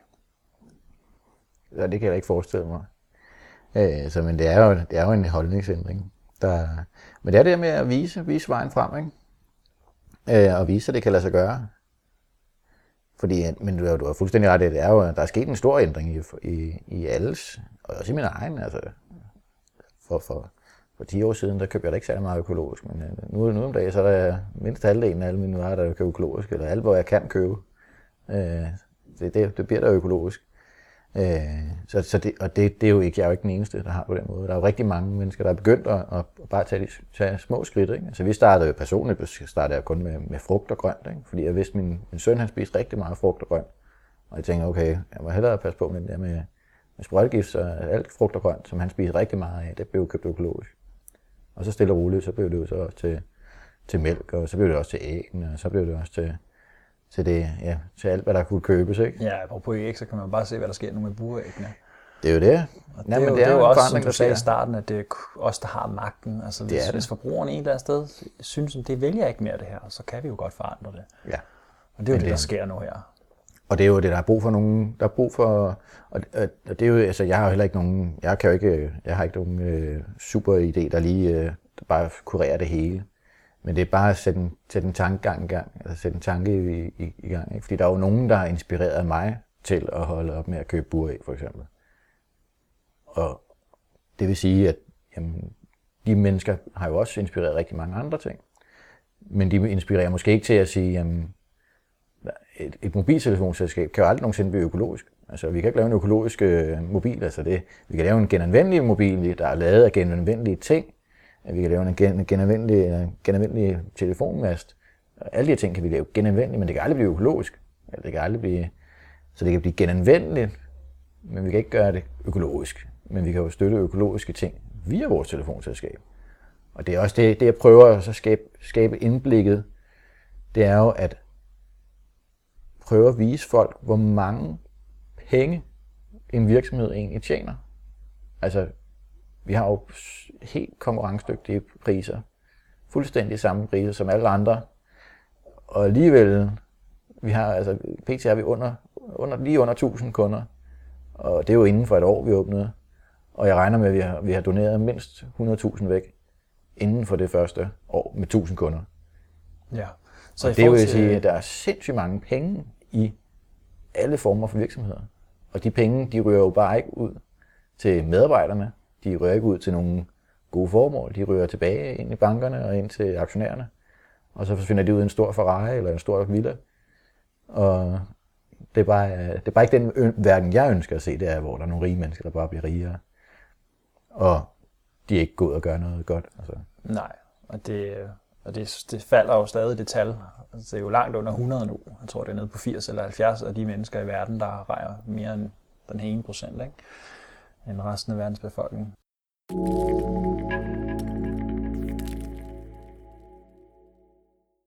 Man kan sige, i forhold til Greenspeak, når nu vi snakker om det, så, så rent opsætningsmæssigt, så også for dem, der måske synes, det kunne være interessant nu, når vi snakker meget om din historie, og hvor, hvorfor, hvorfor egentlig gøre noget andet for verden, og det her med at få den her erkendelse i, i IS2 og sige, Nå ja, hvorfor ikke starte et mobilselskab? Fordi så kommer, det skal alle folk jo alligevel have, deres penge ryger ind, det kan vi så fordele til de her gode, godtgørende foreninger, som faktisk allerede er etableret, fordi du flere gange har prøvet at sige, at det, skulle, det kræver virkelig noget mm. at, at skulle gøre det her. Det er jo også det med grundidéen med telefonselskabet, det er også et fællesskab. Man bliver en del af Greenspeak. Man bliver ikke bare en kunde hos, hos Greenspeak. Altså det, er, det, er en, det er en fællesskab af mennesker, der ønsker en positiv forandring. Øh, så, så det er, det, det er hovedkernen i Greenspeak. Det er fællesskabet, og man bliver en del af den positive forandring. Ja. Så hvis nu jeg kommer og synes, det er interessant og gerne vil være kunde i Greenspeak, hvad er det så, der er hele tankegang? Hvad er det, jeg kan se, der giver mening, hvis jeg skulle komme hos jer, frem for de andre, som også har samme priser? Jamen altså, det, øh, det man gør med det samme, når man bliver kunde hos Greenspeak, så, så øh, går man jo bare ind og vælger sit abonnement. Hvilken et abonnement man har brug for. Øh, og allerede, for at det skal blive meget konkret for både kunden og for vores samarbejdspartnere, altså de her velgørende organisationer, som man kan stemme på, øh, så giver Greenspeak faktisk allerede, når man bliver kunde, så kan man, øh, så kan man stemme på, hvilken en velgørende organisation, som man som kunde synes, at Greenspeak skal give 100 kroner til. Så det er meget håndgribeligt. Det er simpelthen bare oprette dig som kunde, og så bestemmer du, hvem Greenspeak skal give 100 kroner til allerede ved oprettelsen. Øh, nu har vi jo været åbne et stykke tid, så vi er faktisk allerede begyndt at også have, have noget overskud. Så derfor har vi også begyndt at dele penge ud på flere forskellige måder. Øh, vi har lavet det på den måde, at vi bruger ikke penge på reklamer. Og vi bruger ikke penge på hverken i tv eller i, eller i fjernsyn. Og det er måske også derfor, at du som lytter, eller hvem du nu er derude, der hører os nu, aldrig nogensinde har hørt omkring Greenspeak. Jamen det er fordi, du ikke har været heldig, ligesom dig Martin, at blive inspireret eller blive introduceret til det via en bekendt, som måske også er blevet introduceret via en bekendt, som er blevet introduceret via en bekendt. Det er mund-til-mund metode, og det er ude på de sociale medier, Facebook. Det er der, hvor folk de hører omkring os. Så vi har det her overskud allerede, fordi vi ikke bruger pengene på ja, husleje. Det er jo min egen meget hus. Øh, vi bruger ikke penge på reklamer, vi bruger ikke penge på internet, det er jo også min egen internetforbindelse, vi bruger. Og telefonen, den er selvfølgelig Greenspeak abonnement, men jeg betaler jo selv mit abonnement, så hvis jeg ringer ud, så er det jo på min egen betaling. Øh, så vi holder vores omkostninger super langt nede. Vi har næsten ingen omkostninger, og det er simpelthen fordi, vi har det her. Vi vil ud og give nogle penge væk. Og så længe der ikke er behov for, at Greenspeak har sin egen internetforbindelse, så er der ingen grund til, at vi har den. Jeg har en internetforbindelse, vi skal bruge den.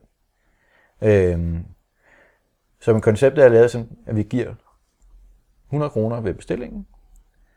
Og så er det sådan mere generelt, det er, at vi skal lave en, øh, at to tredjedele af vores overskud, det bliver givet ud af kunderne. Kun lukkede afstemninger, og der er de 100 kroner selvfølgelig en del af det. Men så en tredjedel af overskuddet, det må vi give ud via offentlige afstemninger. Og det er jo igen der med at komme ud og sprede det gode budskab. Øh, for eksempel lige i øjeblikket er vi i gang med at lave en like-kampagne, så hver uge så er der en ny af vores organisationer, som får en, øh, en krone per ny like Greenspeaks Facebook-side får i løbet af den uge. Og det er jo en måde at gøre reklame på, men i stedet for at give pengene til TV3, så giver vi pengene til det velgørende formål.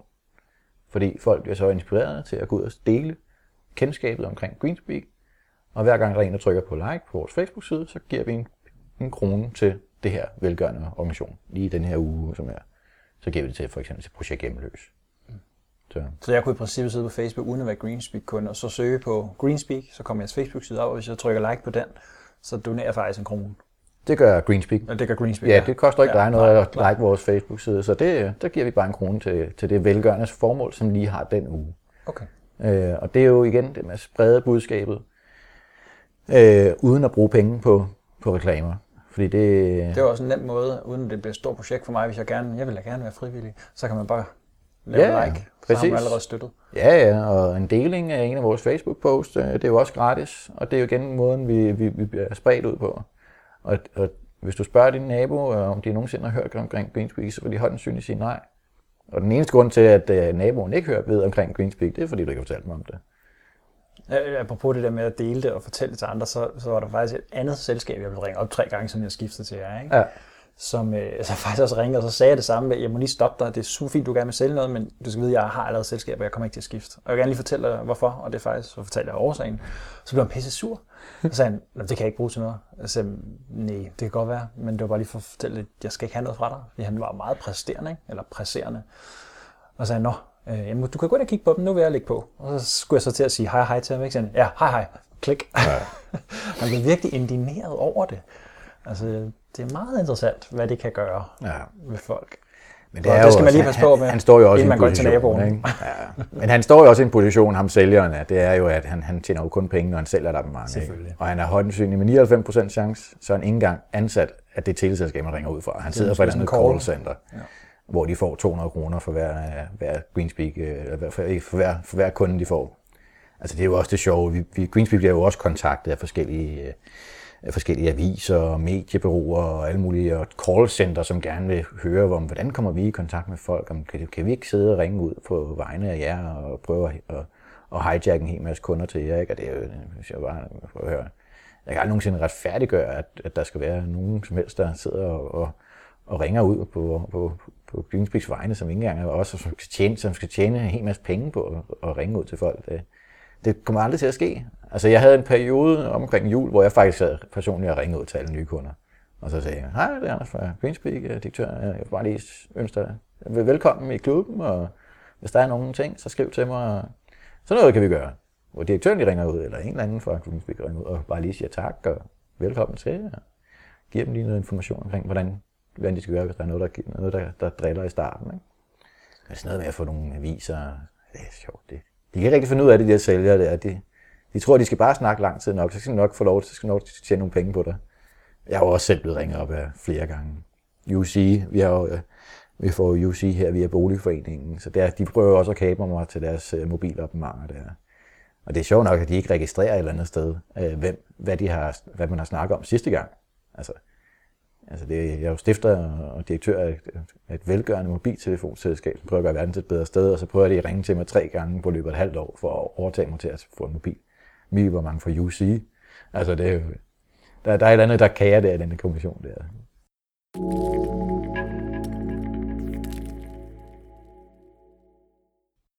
I forhold til Greenspeak, øh, hvilke projekter har du, eller har I, som man kan støtte? Ja, altså vi har jo en lang række af, af projekter. Altså det er jo øh, det sjove ved det, det er, jo ikke, det er jo ikke mig, der har bestemt, hvem der skal være vores velgørende organisationer. Det er jo, øh, de er jo alle sammen valgt, de er jo blevet foreslået, eller organisationerne er kommet til os for at spørge, om de kunne blive en del af det. Og alle projekterne, de er jo så været inde i den her, været inde på en afstemning, en offentlig afstemning, hvor de skulle indsamle mindst 500 stemmer for at kunne blive partner. Og det er fordi, at øh, jeg vil jo ikke være den, der sidder og bestemmer, hvem skal, hvem skal du have mulighed for at, at stemme på. Det er jo ikke særlig demokratisk. Det er jo, når der er nogen andre, der har straffet valget, hvem du, hvem, hvem du vil stemme på, så, så er demokratiet allerede forsvundet. Øh, så det er, har vi været ude at sige, en organisation skal skaffe mindst 500 stemmer for at kunne komme på partilisten. Øh, og så er det jo igen det her med afstemninger, med hvem der, hvordan pengene så bliver fordelt. Ikke? Det er jo så heller ikke op til mig, hvem, hvordan pengene bliver fordelt. Men vi har jo alt. Øh, vi er faktisk super glade for, at der har været en, en, god, øh, en god spredning. Så vi har alt fra øh, sådan noget som Projekt Hjemløs for eksempel. Øh, nogen, der giver, sørger for, at de hjemløse kan få noget mad. Øh, super sød øh, Gitte derinde. Hun er simpelthen en fantastisk pige, og hun, øh, hun knokler også for det. Hun står ude på noget, der hedder Loppelunden, øh, hver, næsten hver søndag og sælger loppeting, hvor at alle, alle indtægterne fra de her loppeting, de sælger, de går direkte til Projekt Hjemløs. Og dem, dem giver vi jo også penge. Øh, så har vi jo de der almindelige store, som også øh, som SOS Børnebyerne, Læger Uden Grænser. Øh, vi har også Økologisk Landsforening. Vi har... Øh, Ja, jeg så faktisk også Økologisk Landsforening. De fik ret mange øh, likes sidste gang, hvis ja. jeg husker rigtigt. Jamen altså, Økologisk Landsforening, de er jo, det, det er jo det, der er det sjove ved det. Øh, det er jo, at der er jo, sjove, det er jo, der er jo nogle, nogle store organisationer, som, som, øh, som blot på grund af deres navn får en hel masse stemmer. Og det er fuldt forståeligt. Altså, Økologisk Landsforening er et fedt, fedt projekt, øh, men det er nok ikke dem, der står og mangler penge. Det kunne jeg ikke forestille mig. Øh, med sådan et lille projekt som, som Projekt Hjemløs, som måske er lidt mere, mere, mere ukendt. Øh, de, de kæmper jo lidt mere for det. Men det gode ved det, det er jo, at meget af vores overskud det bliver givet ud via afstemninger. Og det vil sige, at når jeg går ud og laver afstemninger, så på grund af, at vi selvfølgelig ikke giver millioner milliarder ud nu, så er det jo de små projekter, som er, også er villige til at gå ud og fortælle, at der er en afstemning, og de skal stemme, folk skal stemme på dem, for de kan få en del, stor del af det. Men det vil jo Økologisk Landsforening, de har ikke lyst til at gå ud og sige, stem på Økologisk Landsforening, så vi kan få 2, 3, 4.000 kroner. Altså, det gider de ikke. Så er der måske faktisk en naturlig balancering det af det. Det gør der nemlig, og det er den, der er rigtig sjov at se. Det er, men vi var jo meget, vi var sådan lidt bekymrede i starten. Det var nogle af de her store organisationer, der bare ville totalt trumle, der så bare suge alt sammen ud, fordi de hvis de mobiliserede alle deres folk, så ville de jo, øh, så ville de jo kunne, kunne gøre det. Men det gør de ikke, fordi de, det, det kan godt være, det, det skifter. Det en negativ slagside for dem, faktisk. Ja, eller så er det bare det er ikke stort nok beløb. De gider ikke. Altså, hvis vi, når vi kan godt være, når vi laver en, en donation på 100 eller på en, på en, million kroner, så er det godt være, at de vil bede folk om at stemme på dem, så de kan sikre sig en halv million. Men, øh, men det, det kommer nok til at tage et halvt års tid eller to, før vi... Så det aktiverer rent faktisk demokratiet nedefra? Jamen, og det er jo helt folk meningen. engageret, som egentlig har en ild, ja, det er helt, det, det, er det, der er meningen. Det er der for, altså for engageret folk, for os at indse, at, at folk har en, en magt til at, at, at, at, at, at ændre ting. Øh, og, og hvad, hvad er sådan et typisk beløb for de lidt mindre foreninger, sådan lokalt i din, den by, man kommer fra, som har fået stemmer nok til at komme med? Hvad kunne være et beløb, sådan typisk især? Jamen altså, det er jo alle sammen, øh, de 100 kroners beløb, det er jo helt klart det er jo kun folk, der stemmer på dem. Det er jo dem, der kender dem i forvejen. Øh, men det er, nu har vi jo lige rundet 50.000, vi har delt ud, øh, og det beløb kommer også nogenlunde til at blive fordoblet her i løbet af, af næste par måneder, fordi det er jo, vi laver store udbetalinger i juli og i januar måned. Øh, og juli er jo vores etårs fødselsdag. Der øh, regner vi med at fordoble de 50.000 op til cirka 100.000 kroner. Så donere 100.000 kroner? Ja, ikke i alt. Ja. Sådan, så vi har doneret 100.000 kroner i alt i løbet af det første år, ikke? med lige under 1.000 kunder. Øhm, øh, men altså fordelingen indtil videre, den, er, den, er, den ligger meget, meget jamen det er jo helt, helt nede fra nogen, der ikke har gjort noget som helst, som måske får 100 kroner i donation, og så er den, tror jeg, den største donation, vi har oppe at køre, det er omkring 5, 6, 7.000 kroner. Og det er jo, jeg tror, det er Verdensskov. Verdensskov er et meget populært projekt for rigtig mange mennesker. Øh, og det er jo, hvor nogen, der går ud og redder regnskoven og prøver at hjælpe de lokale folk med at, lave økoturisme og oplyse omkring deres rettigheder. Og de går ikke så meget ud og de kører også en lille smule regnskov, men det er meget sådan noget med at gå ud og, og, og hjælpe de lokale til at, at lave økoturisme og finde ud af værdien i at passe godt på skoven og så få nogle turister ned i skoven, fordi hvis der er masser af turister i regnskoven, så er det også lidt svært at fælde den. Øh, så alt det der med at bare sætte stor hegn rundt om en regnskov, det hjælper ikke rigtig så meget, har de fundet af. Det, gælder jo selvfølgelig om, at der skal komme en hel masse turister ud og opleve den her regnskov. Fordi regeringen har nok ikke særlig meget lyst til at gå ud og fælde alle træerne i regnskoven, mens der er en hel masse turister, der står og kigger på det. Det er jo en super, super nem måde at gøre det på.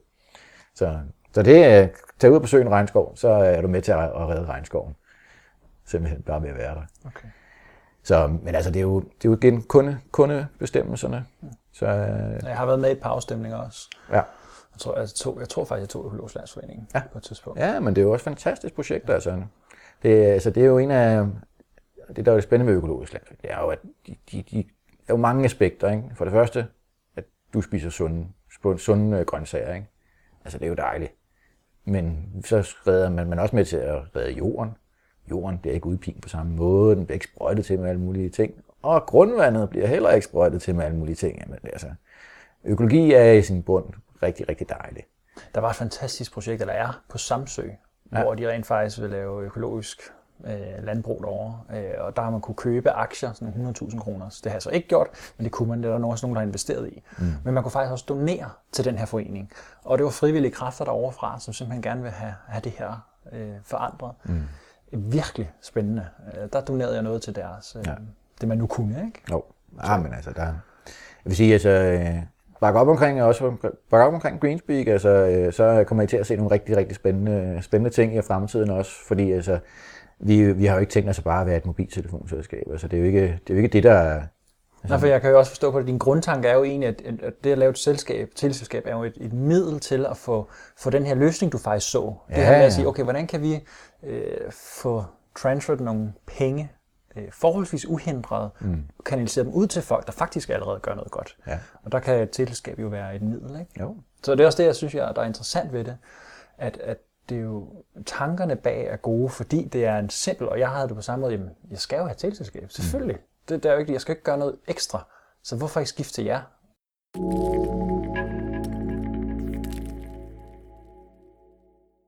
Som vi har lige pt, så det eneste kunder, vi, vi mister, så uden jeg selvfølgelig har snakket med dem alle sammen, det er jo, at vi har så lille bitte frafaldsprocent. Og det er, jo, det er jo kun dem, som er uheldige at bo i et eller andet sort hul. Fordi selv til Nord, som har et super godt netværk, der er der selvfølgelig lokale steder, hvor dækningen bare ikke, ikke er der. Øh, og det tror jeg, det er dem, vi, vi, vi mister. Øh, så vi har et super, super lille bitte, bitte frafald af kunder. Og det er jo fordi, det er folk, der ønsker at se en forandring, de, øh, de er villige til at, at, at altså købe økologisk mælk, selvom den er 2-3 kroner dyrere end den ikke økologiske. Det er folk, der, der går det ekstra mile for at gøre en positiv for, øh, forskel i verden. Og, ja, og øh. igen, så er det også bare vigtigt at vide, at det er jo ikke en eliteklub. Fordi det her med at for eksempel at købe økologisk, der har jeg snakket med folk om, at der er alle mulige beviser efterhånden for det. Du kan næsten ikke argumentere for, at det ikke er godt at bruge økologisk. Det er sikkert nogen, der kan alligevel, men at så er der en, der sagde til mig tidspunkt, jamen det har jeg ikke råd til. Jamen, køber du ikke mælk? Jo, det gør han. Jamen, hvad koster det mere? 3, 4, 5 kroner? Ja, det gjorde han. Er det kun en om ugen? Ja, det er det. Kan du undvære 5 kroner om ugen? Ja, okay, det kunne jeg godt.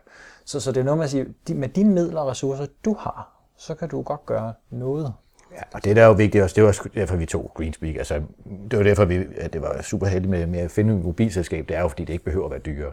Så det er ligesom at stå nede i subhusen og så se, se på den ikke-økologiske den sprøjtede øh, mælk i forhold til den, øh, den naturlige mælk, altså den økologiske mælk, og så til samme pris, og så stadig med vilje tage den ikke økologisk. Ikke? Altså det er jo der, hvor vi har, øh, det er jo der, hvor det er fedt med Greenspeed, det er jo, at du kan vælge det, der er bedre til den samme pris, som det du allerede har nu. Men, og det vil ikke give nogen mening for os at, at prøve at gøre det endnu billigere på et teleselskabsmarked, for det vil bare skabe en ny, pri, ny, ny priskrig.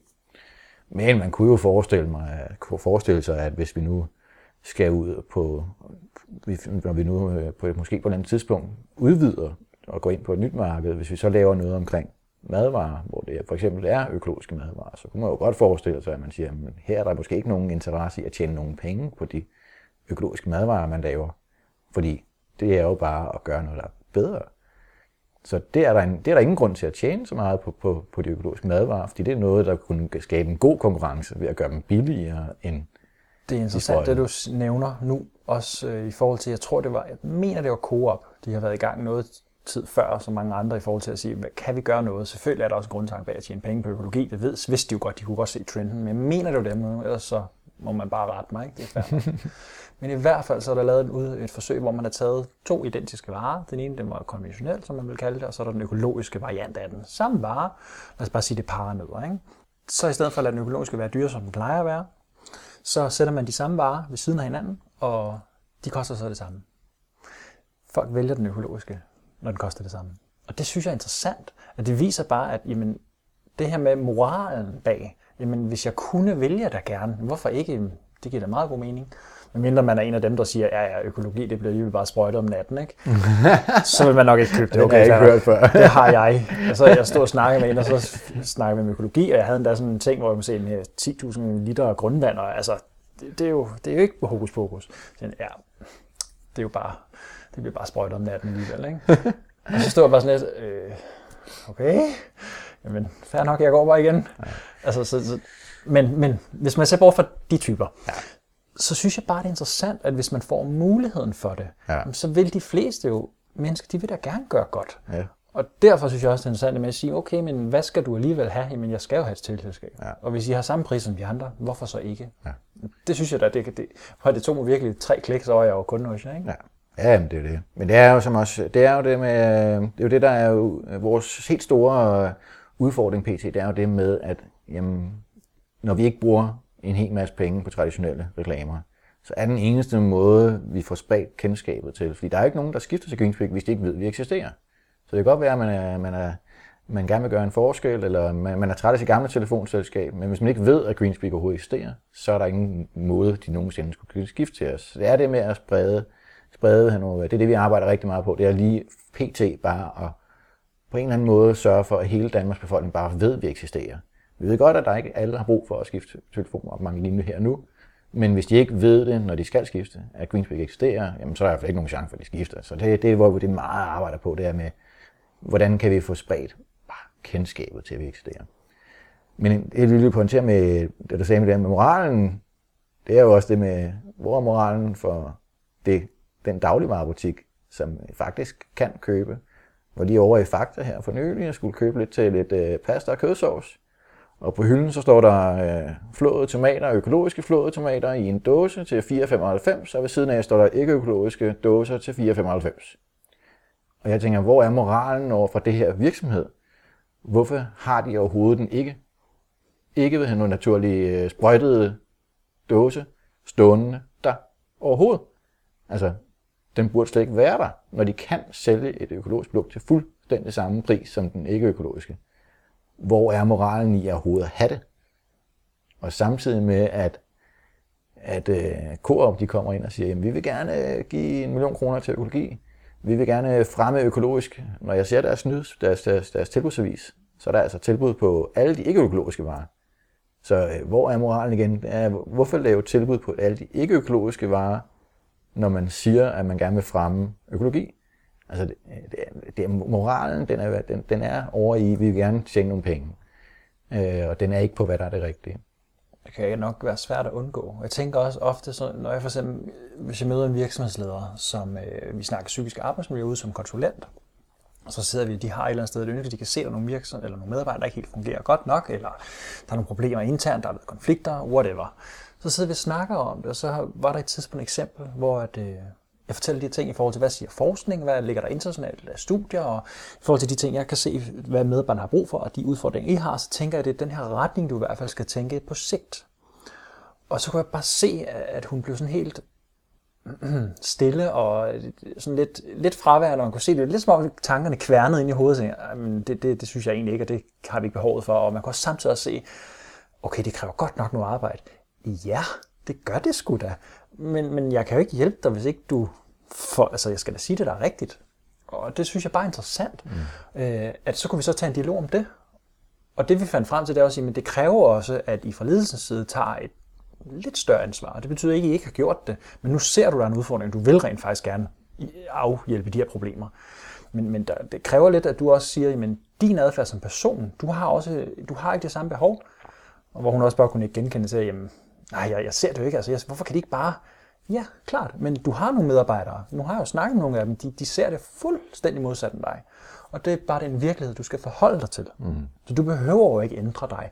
Du skal være opmærksom på, at du har nok, at du har udfordringer med, fordi du ikke selv har det behov. Mm. Men det har de medarbejdere.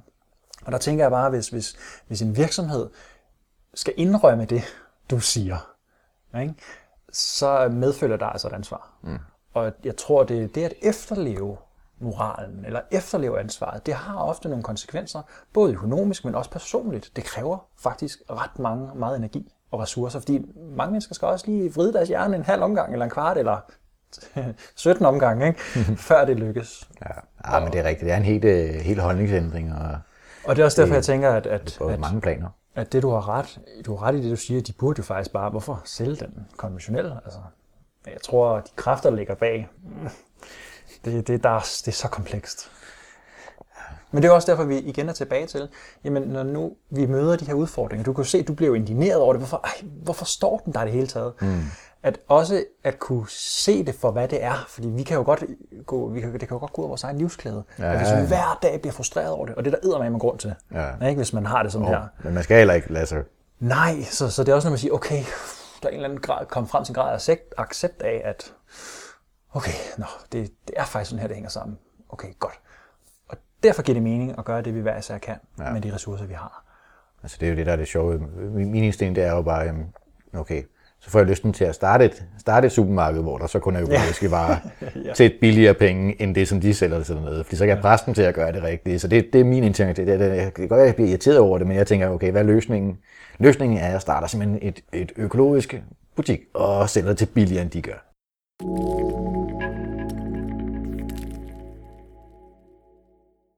Hvor kommer den der løsningsorienterethed fra, hvor du ser noget, og så skal det bare, så gør vi sådan der.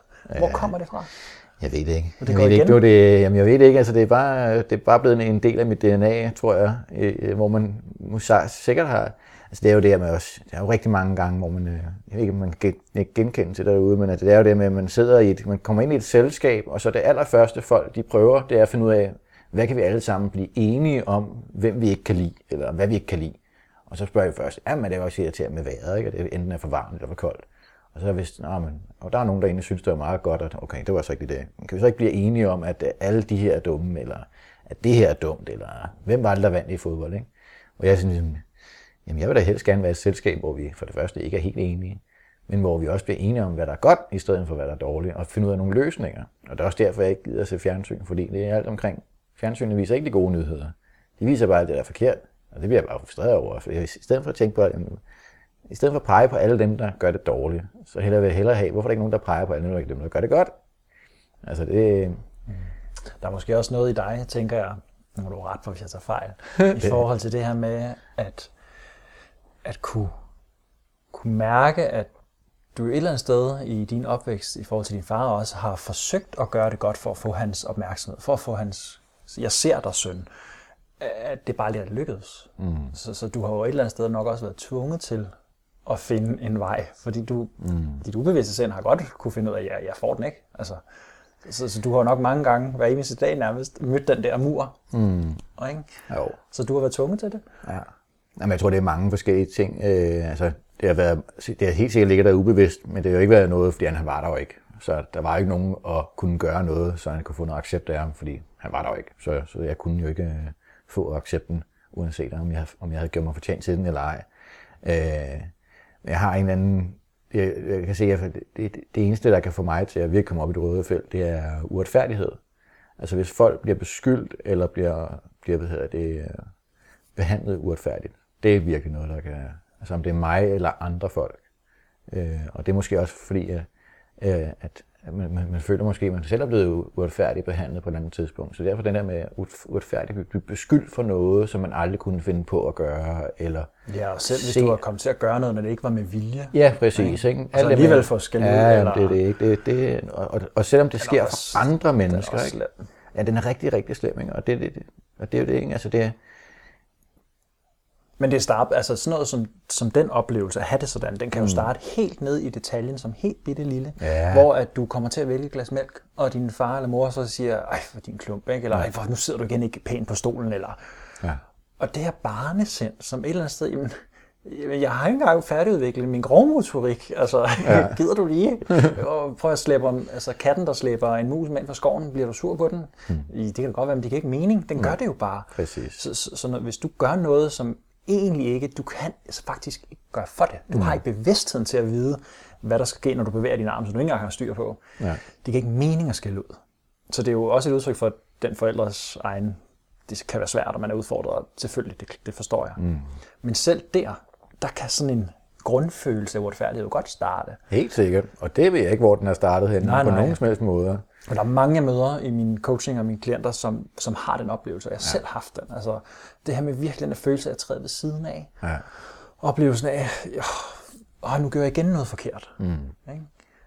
Selv, det var ikke engang min intention ja. at gøre det. Og jeg kører en bil, og så kommer jeg til, at jeg skulle åbne min, min, den her bil, jeg har lånt, ikke? så kommer jeg lige til at slå den op i en sten, og det var sådan altså en mikroskopisk lille, lille bitte, bitte ting. Jeg tror ikke engang, du har slået hul i lakken ind til, så der kom rust, men jeg gjorde det det var jo ikke med vilje. Mm. Og altså, inden jeg havde det jo mega dårligt, jeg lånt bilen og puha, og, og da jeg sagde det, jeg fik jo mega skæld ud, ikke? Og ikke var særlig gammel. Jeg har selvfølgelig været 18, klart. havde for. ja, så kan jeg godt forstå det. Men, men hvis det menneske, du låner den her bil af, ja. er meget materielt fixeret, mm. og man skal altså virkelig passe på tingene, og det vil ikke gå i stykker, og man, det, man kan ikke låne det ud, så går det galt. Og hvis det har været den persons erfaring gennem livet, jamen, så er det jo klart, at man bliver sur over, at den her bil ja. bliver slået i stykker. Ikke? Ja. Eller i stykker. Ja. Altså. den fingerige. Præcis. Men det er, men det er jo... Men det jeg også oplever, du gør, det er jo så også, du, du vælger jo så, om, hvor det så end måtte stamme fra eller ej, så vælger du faktisk at transformere og omsætte den indignation og den her uretfærdighedsfølelse til rent faktisk.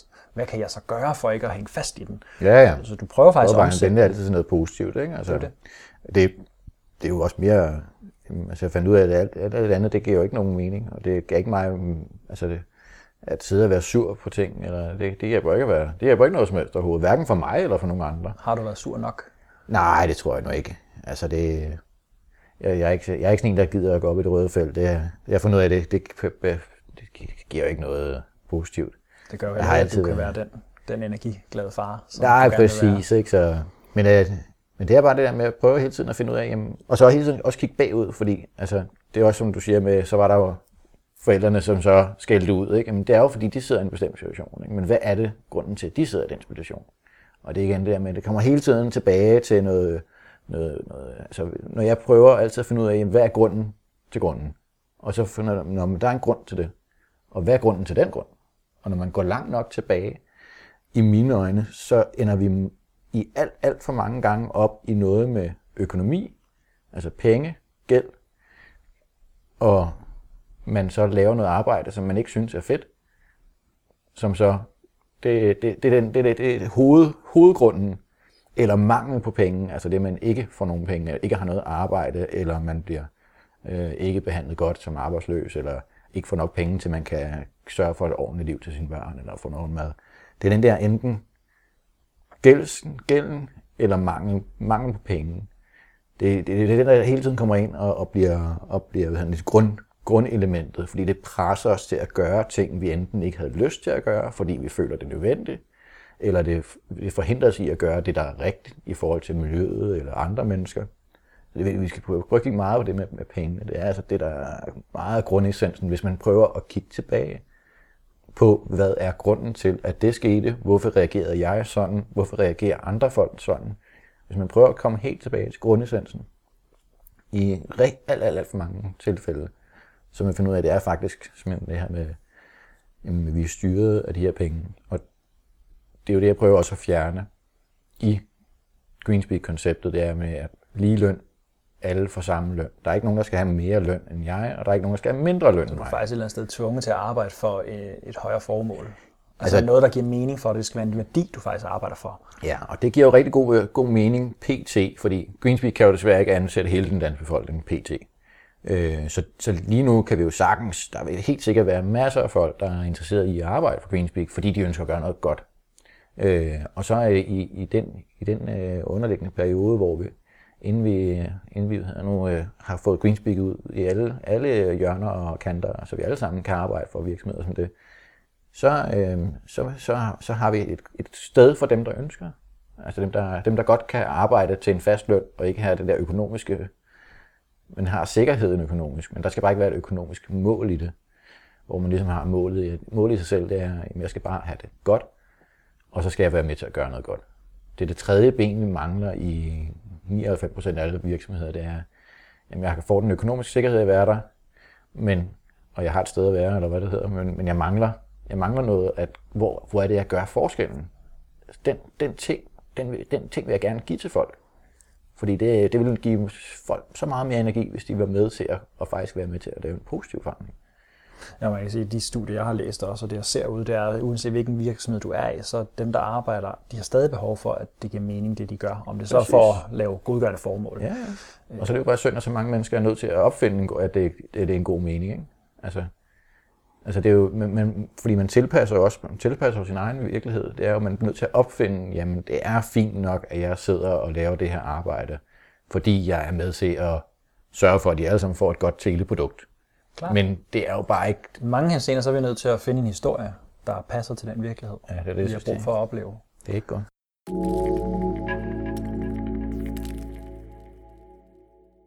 Anders, på den opløftende note, nu sidder vi her i de store kontorlandskab, ikke? hvor øh, ser du øh, Greenspeak og det her projekt sådan i det kommende stykke tid? Hvad er vigtigt lige i, øjeblikket, ud af at I har de her kampagner? Ikke? Mm. Hvad er sådan Altså, næste skridt? Altså, hvis man er interesseret i at hjælpe os, øh, så, så er det altså, den helt store udfordring, som jeg som sagt, det er det med at sørge for, at alle mennesker i Danmark kommer til at bare vide, at vi eksisterer. Altså, man skal ikke prøve at begynde at sælge det. Det er ingen grund til at begynde at sælge noget. Men altså, for, for jer derude, eller for, for, for dem, der hører det her. Altså, det bedste, du kan gøre, det er bare at dele, at der hovedet er der noget, noget der hedder eksisterer der, at vel, Danmarks velgørende mobilselskab Greenspeak. Altså gå ind og del en af vores posts. Fortæl en eller anden, at der, det findes. Fordi det, det er den eneste måde, vi kan ligesom skabe opmærksomhed på det. Ikke? Det, det er det, der virkelig vigtigt nu.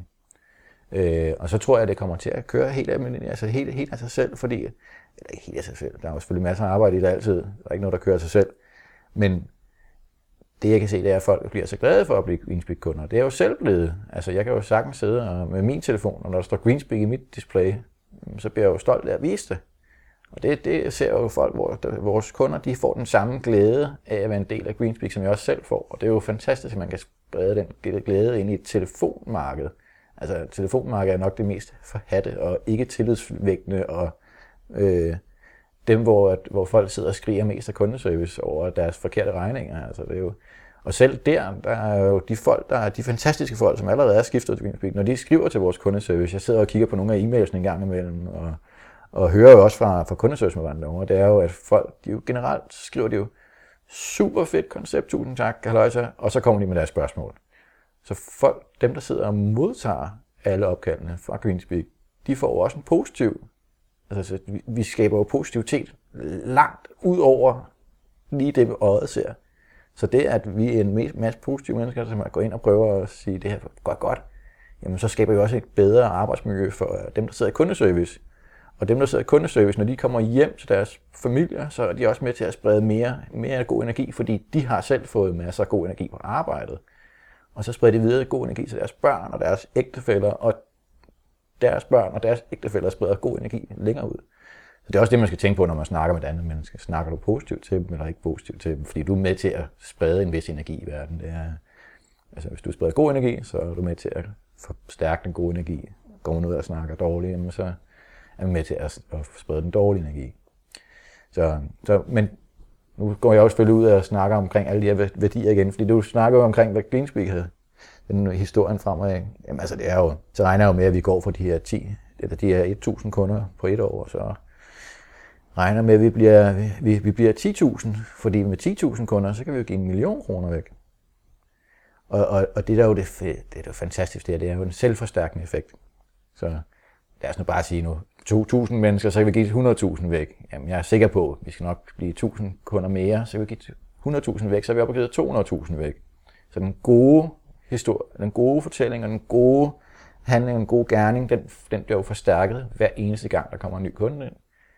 Og det er med til at gøre en positiv spiral, i stedet for en negativ spiral.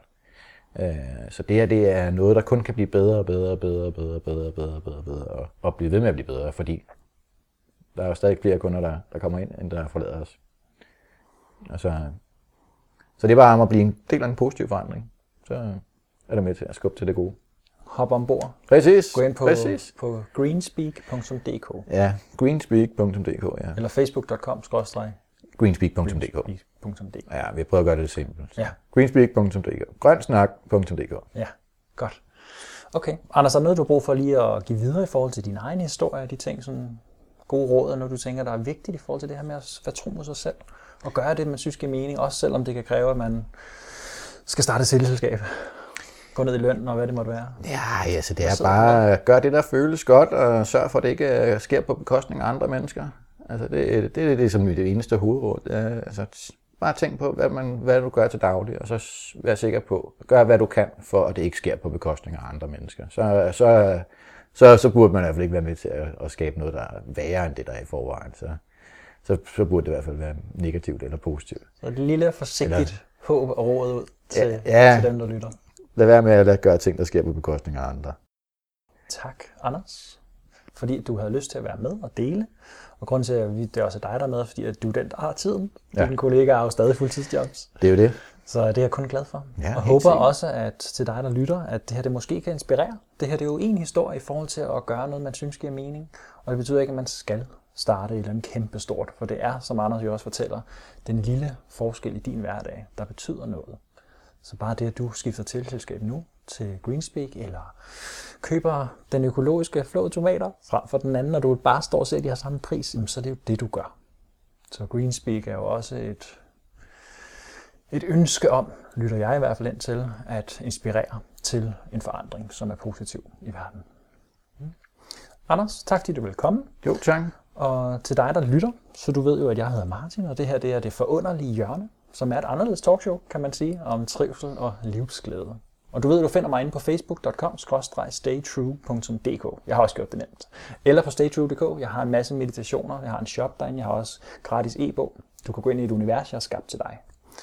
Så håber jeg bare, at øh, det går godt fremadrettet, Anders, med dit Greenspeak-projekt. Indtil videre, så har jeg i hvert fald ikke tænkt mig at sige ja til nogle af dem, der kalder mig og spørger, jeg vil skifte. Jeg bliver hos jer. Det er jeg glad for at høre. Kan I have det godt derude, og pas godt på jer selv.